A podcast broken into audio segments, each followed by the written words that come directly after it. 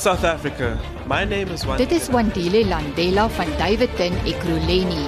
I mask up and sanitize. Hy dra sy masker en gebruik ontsmettingsmiddel om sy vriende, familie en homself ten alle tye te beskerm. Ons wil almal aanraai om sy voorbeeld te volg. Hitsmerk cover up. Dis 13 oor 6 uur by Monitor op RSG op die vakansiedag vanoggend en ons kyk na 'n oorsig oor die nuus. Netwerk24.com het hier 'n foto van uh, Bekkie Cele. Polisie gereed vir enige iets gedurende Zuma hofverskyning en is nou die minister van polisie. Hy sê hy is slaggereed vir enige gebeurlikheid gedurende oud-president Jacob Zuma se hofverskyning Dinsdag. Hy het Sondag hierdie versekering dan nou gister uh, aan joernaliste in Lamontville in Durban gegee. Hy het die gebied daar besoek saam met die KwaZulu-Natal se uh, provinsiale polisiekommissaris.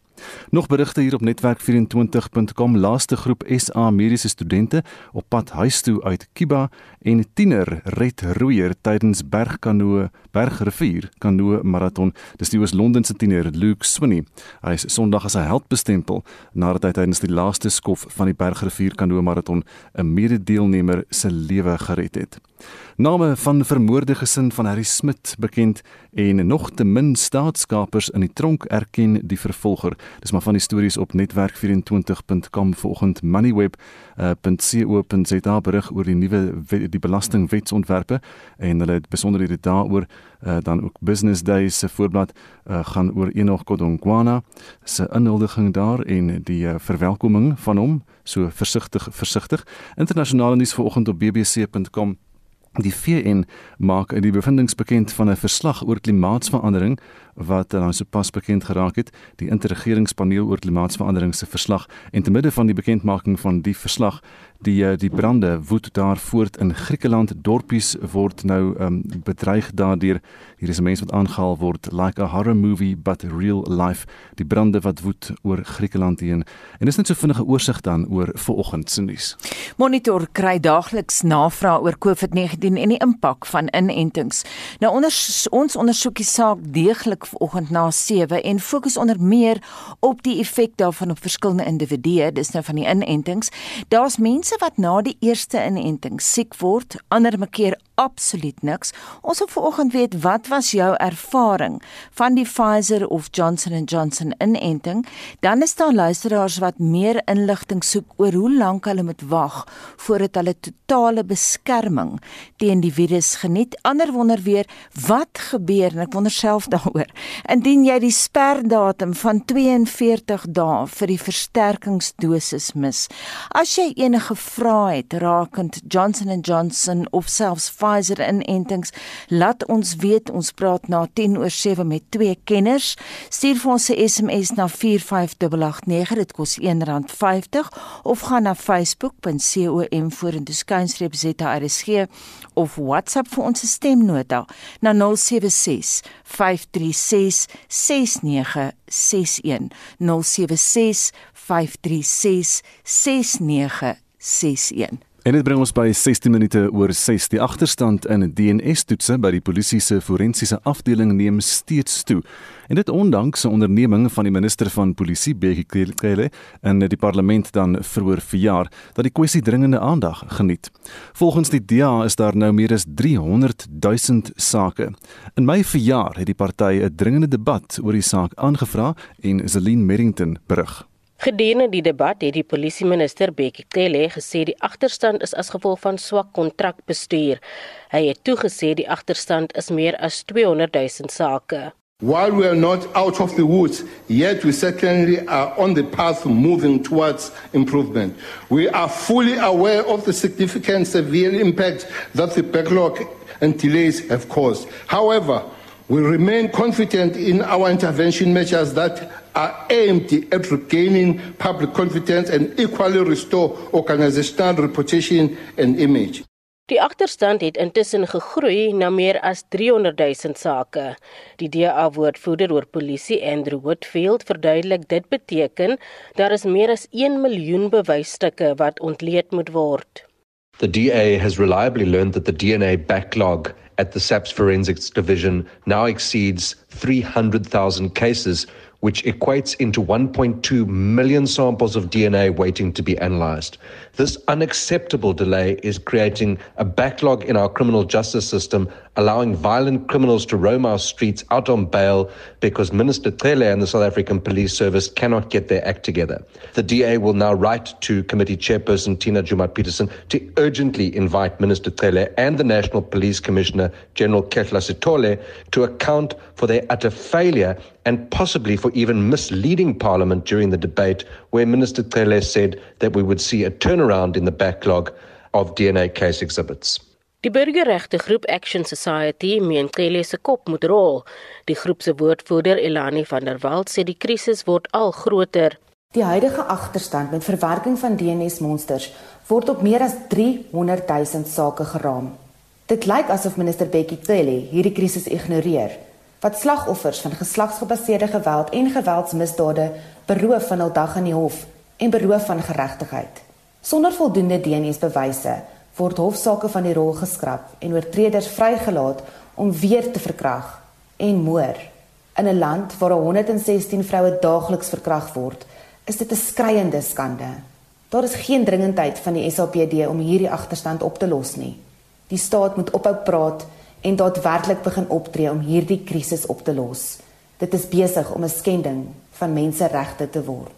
Pogings om by die polisie uit te vind wat gedoen word om die forensiese afdeling op koers te kry was onsuksesvol. Zelin Merrington, Parlement. Die veroordeelde kinderverkragter Nicholas Nino gaan teen sy vonnis appeleer. Nino dien lewenslange tronkstraf uit nadat hy skuldig bevind is aan die verkrachting van 'n 7-jarige meisie. Die verkrachting het in September 2018 in die kleedkamer van die Dros restaurant in Silverton, Pretoria plaasgevind. Lila Magnus het meer. Nicholas Nino, ook bekend as die Dros verkragter, het toestemming by die Appelhof in Bloemfontein gekry om teen sy vonnis te appeleer.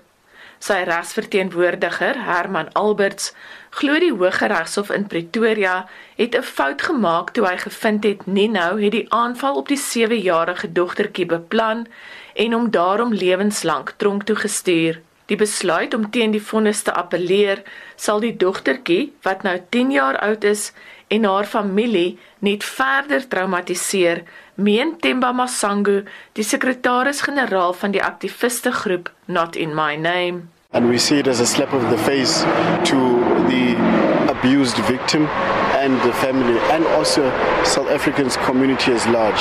What he should be doing is actually paying his debt back to society, being in prison and being like any prisoner who is there doing their time and wanting to get rehabilitated.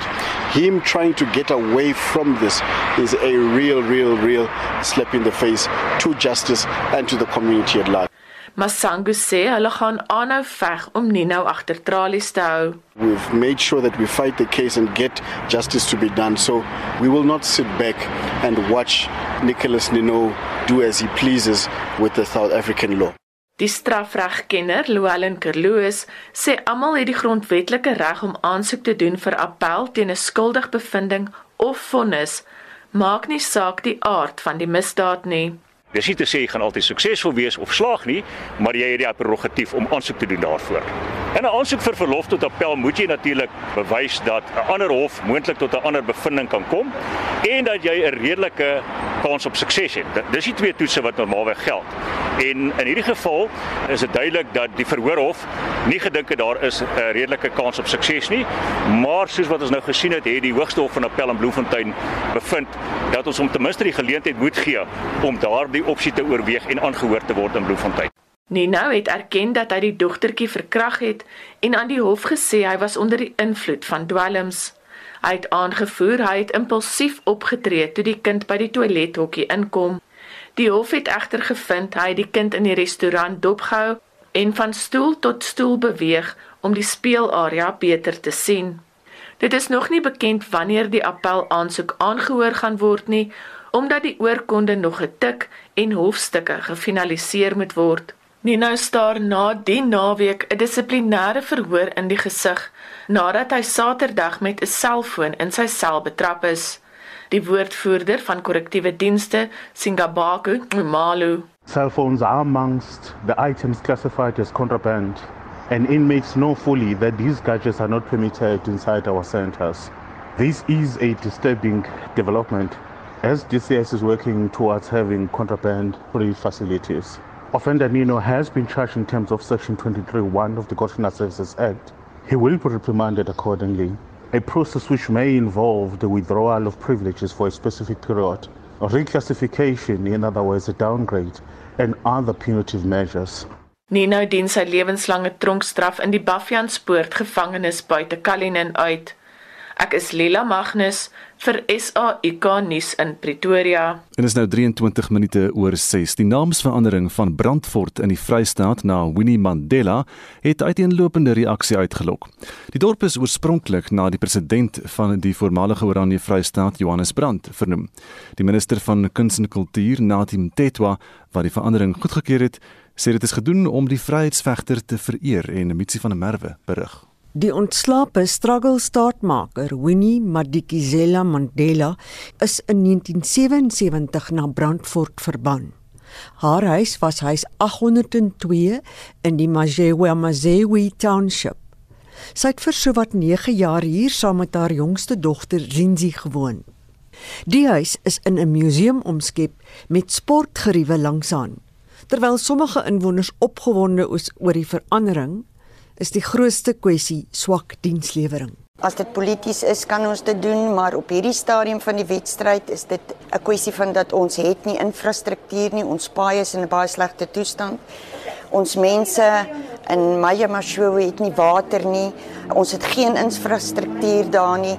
Ons sale is in 'n chaotiese toestand. Ons kan nie eers die elections hou nie. Ons kan nie eers pensioene uitbetaal aan die armes nie. So ek dink hierdie is heeltemal onvanpas en totale verkeerde tyd van ons ekonomie op hierdie stadium. Ek voel nie lekker om my naam verander van Brandfort Winnie Mandela te wees. Maar ek is ontevrede, reg. I think the name change is a good idea. It's going to boost our town in terms of tourism. Let the name remain Majoma So the government must do something about that money to other uh, people who are not earning nothing or who are not the, the other people are sleeping without food without anything let the government do something for those people Politieke partye het ook ingeklim. 'n Verteenwoordiger van die ANC se tussentydse provinsiale komitee, Tabo Miku, sê die party verwelkom die nuwe naam.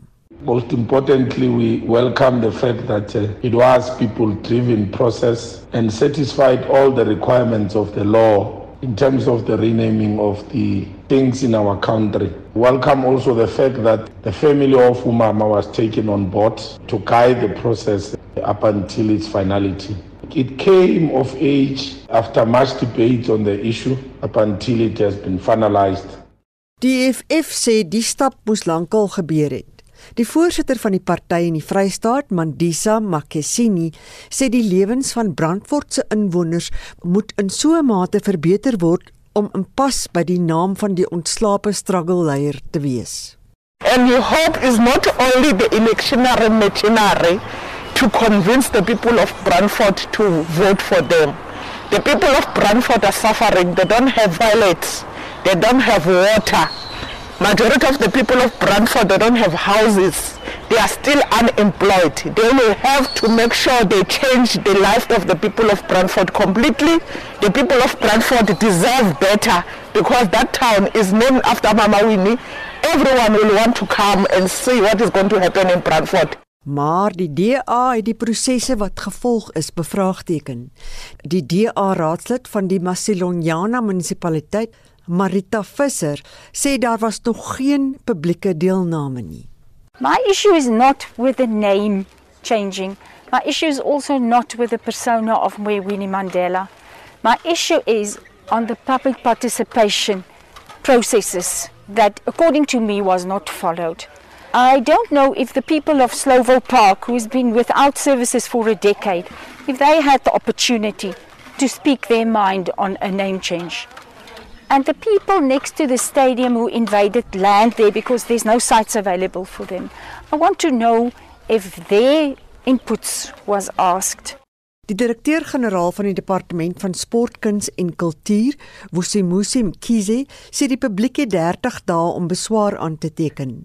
This is about sustaining the fight against gender based violence and femicide. It is pivotal that our geographical names reflect the history of such icons. This will be a lasting monument in her honor. Just to say that the people of Brantford or anybody else will be then having an opportunity to lodge an objection to this name change within 30 days after it should then be any such objections they will be submitted to the minister of sport arts and culture Winnie Madikizela Mandela is in 2018 op die ouderdom van 81 dood. Makgala Masiteng het hierdie verslag in Winnie Mandela saamgestel. Mitsi van der Merwe, SAK nuus.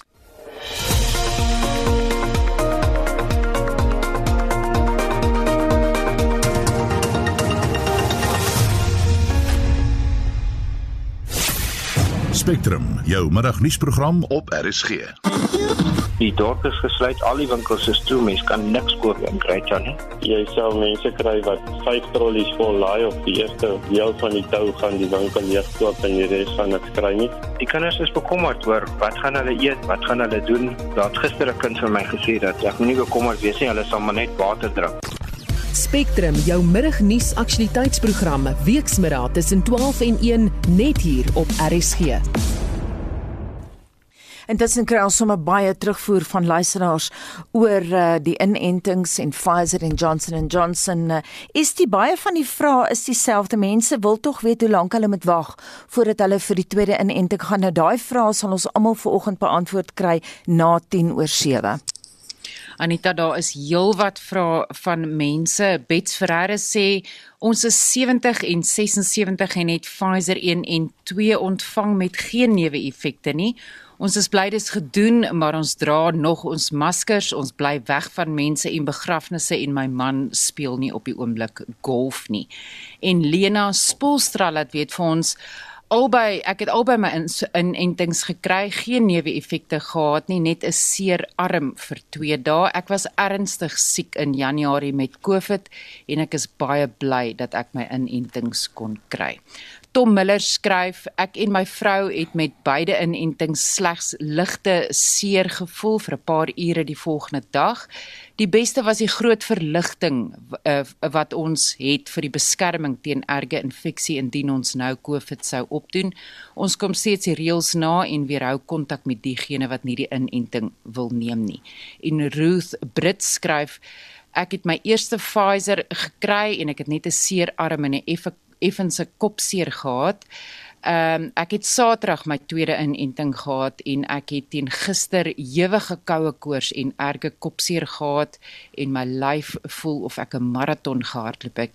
Ek hoop dit word gou beter.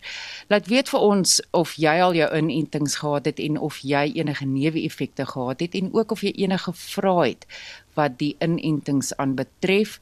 Anita en Gustaf voer onderhoude met mediese kenners net na 7.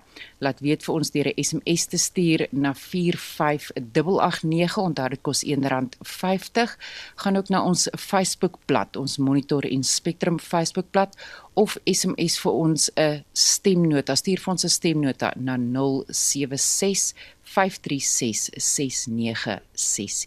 Nou een van daai kenners met wie ons praat na 7 Dr Kloete van Vuren van Driemil in Bloemfontein sê dit is normaal om na die tweede inenting oes te voel, seer lyf en so aan. Dit is maar net die immuunstelsel se manier om dit te verwerk. So bly ingeskakel vir al daai praktiese antwoorde wat jy wil hê op jou COVID-19 vrae. En is nou 25 minute voor 7 nou onverwerkte trauma wat veroorsaak word deur die COVID-19 pandemie het baie kulture en geestelike instellings beroof van hulle gewone manier om die dood te hanteer en te rou.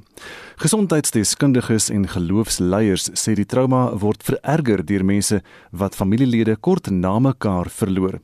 Die inperkingsregulasies laat slegs 50 mense toe om begrafnisse by te woon.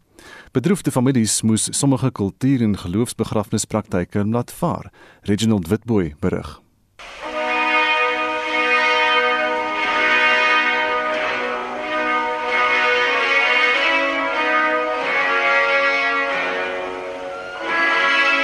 Begrafnisse is 'n simboliese manier om uitdrukking te gee aan emosies. Wanneer mense 'n geliefde aan die dood afstaan, gee jy met die ritueel uitdrukking aan jou bedroefdheid. Dis 'n manier vir families om erkenning aan die dood te gee en afsluiting te kry. Maar vir families wat erge trauma ervaar het tydens die geliefde se dood, kan dit baie moeilik wees. Die 30-jarige Bianca Wilkinson het 15 familielede binne 2 jaar aan die dood afgestaan. Baie van hulle was broodwinners in hulle huishoudings. Wilkinson moet nou noodgedwonge na die oorblywende familie omsien. Alhoewel hulle berading ontvang het, bly dit pynlik. Jy ken nie hoe om aan te gaan na dit nie. Aan wie se deur te klop nie. Dit is die dood is nie maklik nie. Om iemand net te verloor en te begrawe hoe iemand daai behandelinge gee by die huis in die hospitale behandel hulle nie goed die net om hom aan te beweeg is devastating in die wêreld waar ons nou in lewe. Die afgelope 15 maande het families wêreldwyd geliefdes aan die dood afgestaan. Die pandemie maak die rouproses moeiliker. Begrafnisse word nou anders hanteer en dit maak die afskeidneem swaarder. Jenny Arthur 'n ma van 5 het binne 6 maande 4 familielede verloor, almal weens COVID-19 komplikasies. In Januarie vanjaar het haar seun Nathan gesterf, twee dae voor sy 47ste verjaarsdag. 4 maande later haar man Charles. Sy is steeds verpletter. COVID is 'n werklikheid en COVID is as 'n vreeslike ding wat jy nie wil deurgaan nie, want uh, as dit op jou kom, dan lyk dit jy's dis naam jy jy, jy, jy weet nou nie eintlik wat om te doen nie om teen hierdie ding te beklei nie. Arthur sê die trauma is ondraaglik. Is nogal moeilik want uh, ek meen die een seer is net gesond en gaan die ander een oop en dan moet jy weer heel jy moet gesond raak en dan is daar weer iemand wat sterf en hy wond gaan weer oop. Is is nogal swaar. Geloofsleiers sê baie bedroefde families sukkel om die nuwe werklikheid te verwerk. Roubeklaars word nou gedwing om hulle boodskappe van medelee aanlyn oor te dra. Daar is nie meer drukkies en saam tee drink nie. Blomme word buite die huis van bedroefde families gelos. Begrafnisse en herdenkdienste word aanlyn bygewoon met slegs 50 persone wat fisies toegelaat word om die begrafnis by te woon. 'n Geloofsleier, Adam Veldman, sê berading is broodnodig. Ons het met uh, 'n uh, hele gemeenskap wat uh, diep rou en daar is niemand wat die sielkundige hulp vir hulle gee nie. Ons as uh, gemeenskapleiers, godsdienstige leiers kan nie ons mense uh, gaan kuier nie uh, met die protokolle van COVID. Die gemeenskap kan nie bymekaar kom en mekaar help gedurende hierdie swaar tyd nie. Die droefheid kan 'n langtermyn effek hê en wanneer dit te lank duur, word dit as 'n ingewikkelde rou geklassifiseer. 'n Sielkundige, Katie O'Callaghan by Caritas in Kimberley, sê vinnige ingryping is nodig om die hartseer te verwerk. Daar's nie tyd om hierdie goed in die gesig te staar en te besef wat doen dit aan mense nie. En ek dink die trauma hoop net op. So erns in die toekoms gaan ons met dit wat nou gebeur regtig sukkel, omdat hierdie goed gaan lê in jou onderbewussyn en dit veroorsaak snellers. O'Callaghan sê kinders word die ergste geraak. Ek dink die groot ding gaan oor volwassenes ook, maar Ek het nou 'n paar gevalle gehad dat 'n ambulans iemand by die huis kom haal. Nou mag die familie nie daarin nie want die persoon het COVID. So die kinders sien net pa klim in die ambulans. Nou kan jy dink vorentoe wat se vrees het daai kinders vir die ambulans. Of hulle ry hospitaal toe en hulle gaan laai pa of ma by die hospitaal af of 'n boetie of sussie of oupa en ouma. Hulle kom nooit weer uit nie. Nou kan ek net dink vorentoe waarmee gaan ons sit met kinders met hierdie Ek wil amper sê diep liggende vrees en angs as ek daarin gaan kom ek weer uit. Die. Bedroefde families wie geliefdes verloor het, sê die beste is om jou lot te aanvaar. Weer Jenny Arthur. Jy moet aanvaar die mense uit jou lewe uit en op die einde van die dag maak nie saak wat het hulle vir jou gedoen nie, dis nog altyd deur die Here wat hulle dit vir jou kon doen. En jy moet bewus is dat hy dit nog vir jou sal doen. En baie male dink ons ons ons sal nie kan deur 'n ding gaan nie, want hy mense is nie daar nie. Terwyl die pandemie voortwoed, probeer getraumatiseerde families om te oorleef in 'n wêreld met 'n nuwe normaal. Ek is Reginald Witboy in Kimberley.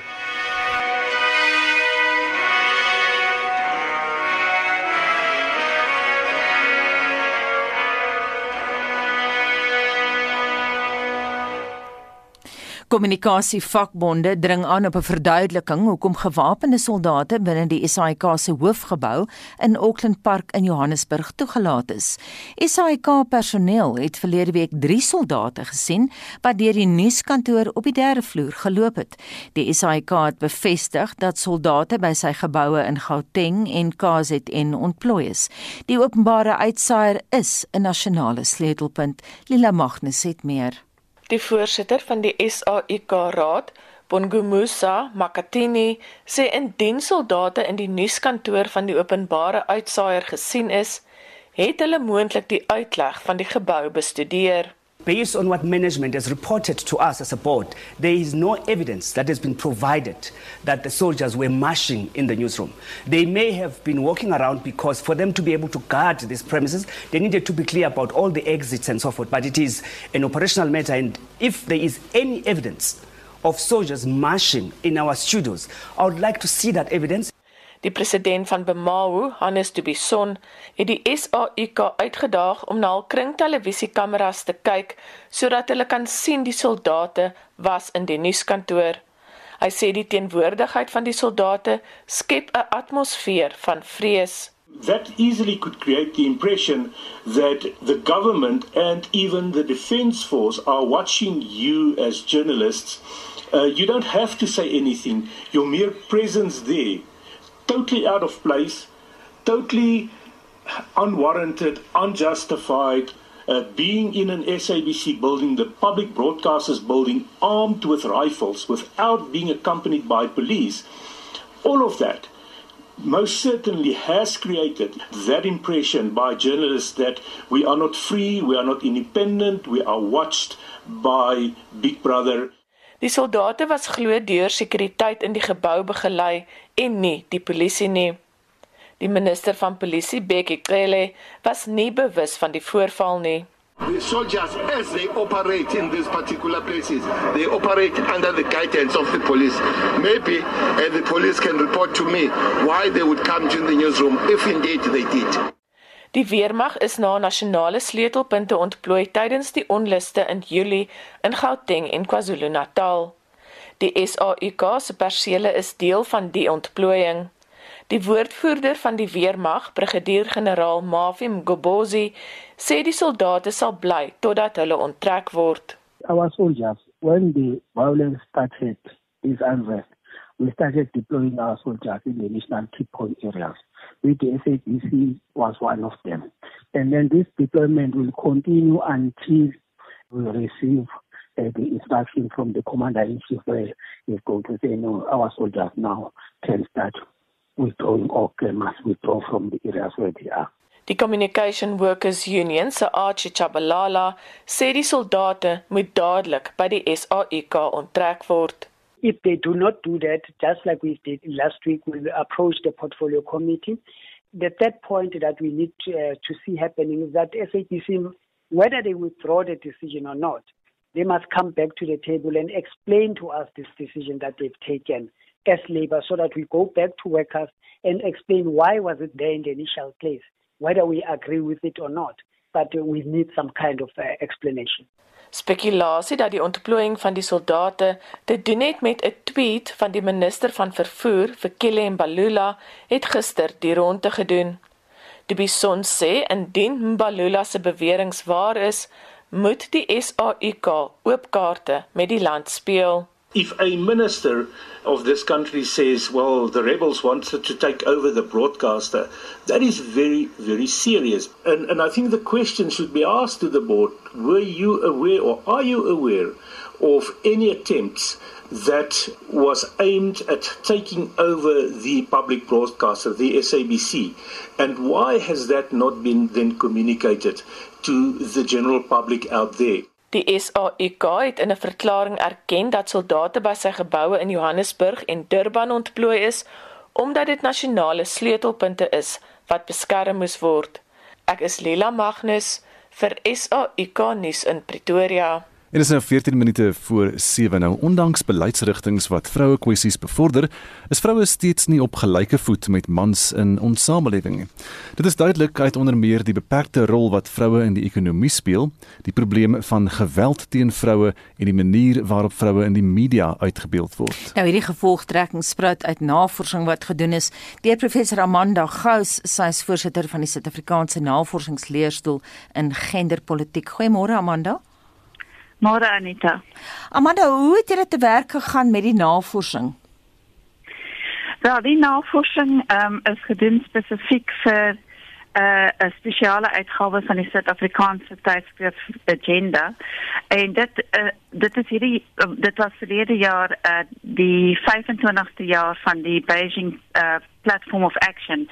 Nou in 1995 was daar 'n uh, kongres uh, uh die Verenigde Nasies het hierdie vroue kongresse gehou elke 10 jaar in in 1995 was dit in Beijing en sedertdien uh moes alle lande hierdie platform implementeer. So ons het daarna gaan kyk en dan het was ek 'n adviseur vir die VN as 'n uh, verslag uh se geslagsverslag vir Suid-Afrika. Nou die die Beijing platform for action um maak voorsiening vir vir vir baie verskillende regte wat geïmplementeer moet word maar die feit dat as sleutelregte deur Suid-Afrika uitgesonder het is is die is in die eerste plek werkskepping en spesifiek met die oog op vroue in wetenskap, tegnologie, ingenieurswese en wiskunde. Uh vroue se gesondheid spesifieke fokus op vigs uh, geslagsgebaseerde geweld, ekonomiese bemagtiging en dan die ontwikkeling van vroue in in landelike gebiede en ook eh, 'n uh, fokus op die die dogter, die girl child. Nou wat ons sien is dat in al vyf van hierdie spesifieke fokusse doen ons baie sleg. Ehm um, en die rede daarvoor is in die eerste plek dat ons uh nie wette implementeer nie. Suid-Afrika het baie goeie wette wat ehm um, geslagsgelykheid vir vroue moontlik maak, maar die wette word swak geïmplementeer. En dan spesifiek as ons kyk na geweld, ehm um, is die die die vlakke van geweld uh, spesifiek verkrachting uh, en wat ons noem intimate femicide vir uh, 'n man of 'n uh, uh, iemand met wie jy in 'n verhouding is, uh, jou doodmaak. Uh, femicide uh, is 5 keer hoër as die globale gemiddelde um, in Suid-Afrika. Nou ons het ehm um, gesien dat ons uh, baie goeie wette het rondom geweld, maar weer eens word dit nie geïmplementeer nie. Ehm um, ek het ook 'n uh, uh, onderhoud gevoer met die voorsitter van VN Vroue, Pumzile Mlambo Nguka wie se termyn nou tot einde kom en sy kom nou terug Suid-Afrika toe. Maar as ons kyk wêreldwyd is is dit 'n is vroue se se regte en hulle die implementering van wette 'n groot probleem. Maar in Suid-Afrika of in Afrika is daar die bykomende probleem van vroue wat onder gewoontereg lewe. Ehm um, wat wat beteken dat hulle ehm um, woon in in die landelike gebiede waar daar nog tradisionele leiers is uh wat wat aan beheer is en wat eintlik nie vreeslik gefokus is op geslaggelykheid nie. En hier is die uh kwessie van grondbesit 'n baie groot vraagstuk want um, ons het wette gemaak soos die uh wet wat byvoorbeeld die tradisionele leiers toelaat om grond uh te versprei en om te besluit wie kan grond besit en oor die algemeen uh laat trad tradisionele leiers nie grond aan vroue nie. So al hierdie verskillende uh in hierdie verskillende dimensies uh, het ons 'n probleem en dan is daar ook as ons kyk na vroue wat werk, dan verdien meeste vroue tussen 70 en 80 sent van elke rand wat 'n man verdien. So met ander woorde daar is 'n uh, 'n uh, 'n gaping, 'n inkomste gaping wat al klaar vrouens um terugsit in terme van hulle inkomste en in terme van van uh, hulle bydrae tot die ekonomie. So al hierdie hierdie verskillende probleme waarmee ons sit en die verskillende fokusse waar daar wat aangespreek moet word maak dat vroue se gelykheid nie nie dieselfde is of dat daar nie gelykheid is met mans. Jy het nou baie dinge daar geantwoord wat ons uh, ook wil vra. Suid-Afrika het selfs 'n minister hierso vir vroue sake, vroueregte uh, in die presidentskap. Hoekom word daar in Suid-Afrika nie iets meer daadwerklik gedoen dan aan die saak nie? Wel ons het ehm um, in die afgelope uh, ons het hierdie uh, ministerie gekry in 2009 en sedertdien het ons vyf ministers van vroue sake gehad. Nou die die naam van daardie um, ministerie is uh, vroue um, Hmm, jeug en ja. en mense met uh, gestremdhede wat wat alreeds te groot is. Jy kan nie verwag dat al daardie verskillende groeperinge op dieselfde manier gehanteer moet word nie, so die mandaat is te groot. Maar ons het ook baie disfunksionele ministers gehad. Ehm um, iemand soos uh, Lulu Ngwana, die tweede minister, het eh, gereeld tussen 20 en 30% uh gekry vir die implementering van haar strategiese plan. Met ander woorde, sy het totaal gefaal en dit het baie min verander uh, sedertdien uh, ons ons nuutste ministers uh, is is maar Maiti uh, Bashabani um, wat iemand wat nooit in die veld van gender gewerk het nie wat geen agtergrond in gender het nie en daar kom baie min uit uit haar departement uit. So dit is dit is dit word nie ernstig opgeneem. Vroue sake word nie ernstig opgeneem nie. So ministers word aangestel wat hulle soort van 'n sagte portefeulje gee eerder as om om iemand aan te stel met die agtergrond en wat 'n aktivistiese ingesteldheid het. Mm. As jy met vroue sake wil werk, dan moet jy 'n aktivistiese ingesteldheid hê. Laaste vraag Amanda, jy het nou die posisie. Jy het 'n aktivistiese agtergrond. Jy's voorsitter van die Suid-Afrikaanse Nasionale of Navorsingsleerstoel in genderpolitiek. Wat kan jy doen? om die implementering van wetgewing wat jy sê 'n groot probleem is te bevorder. Wel, ek nee ons ek ek werk met uh een van die programme in my leerstoel is uh 'n beleidskwessies en die implementering van beleid. So ek doen gereelde ehm um, beleidsanalises en ek doen aanbevelings en ek lei studente om wat ook in hierdie velde werk. Maar die groot probleem met die regering is dat hulle totaal anti-intellektueel is, dat hulle geen navorsingsverslae lees nie en dat hulle ook geen uh, vir my studente byvoorbeeld geen onderhoude toestaan nie. Met ander woorde daar is is 'n absolute blokkade uh met die regering en van daai kant af sal die regering iets moet doen. Dis baie min dis baie moeilik vir ons wat hierdie tipe werk doen om enige toegang tot die tot die regering te kry. Maar ek meen ons het nou byvoorbeeld as ons kyk na na die impak van die COVID pandemie wat vrouens se se versorgingswerk het, het verskriklik ontplof en vroue doen nou meer versorgingswerk as ooit vantevore. Het ons 'n boek bymekaar gesit met die titel The COVID Diaries Women's Experience of the Pandemic. En wat hierdie boek wys is presies jy weet waar die gapings is en wat gedoen kan word. Ehm um, so mense moet maar net hoop dat die die regering aandag gee, maar maar uh, ek meen dit is die probleem dat hulle basies nie belangstel in navorsing nie. Baie dankie en so sê professor Amanda Gous, sy is voorsitter van die Suid-Afrikaanse Navorsingsleerstoel in genderpolitiek en sy is verbonde aan die Universiteit Stellenbosch. Dit is nou so 6 minute voor 7 by Monitor op RSG.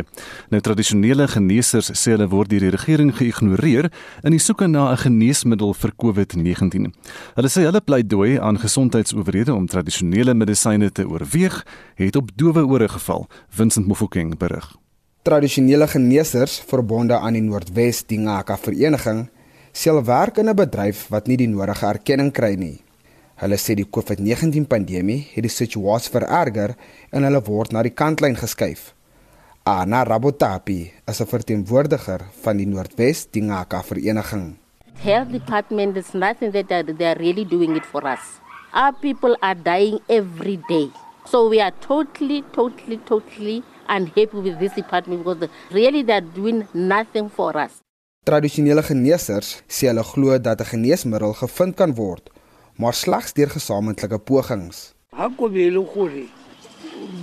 Pholo If the department was working well with us, we could have advised them on how to prevent this pandemic.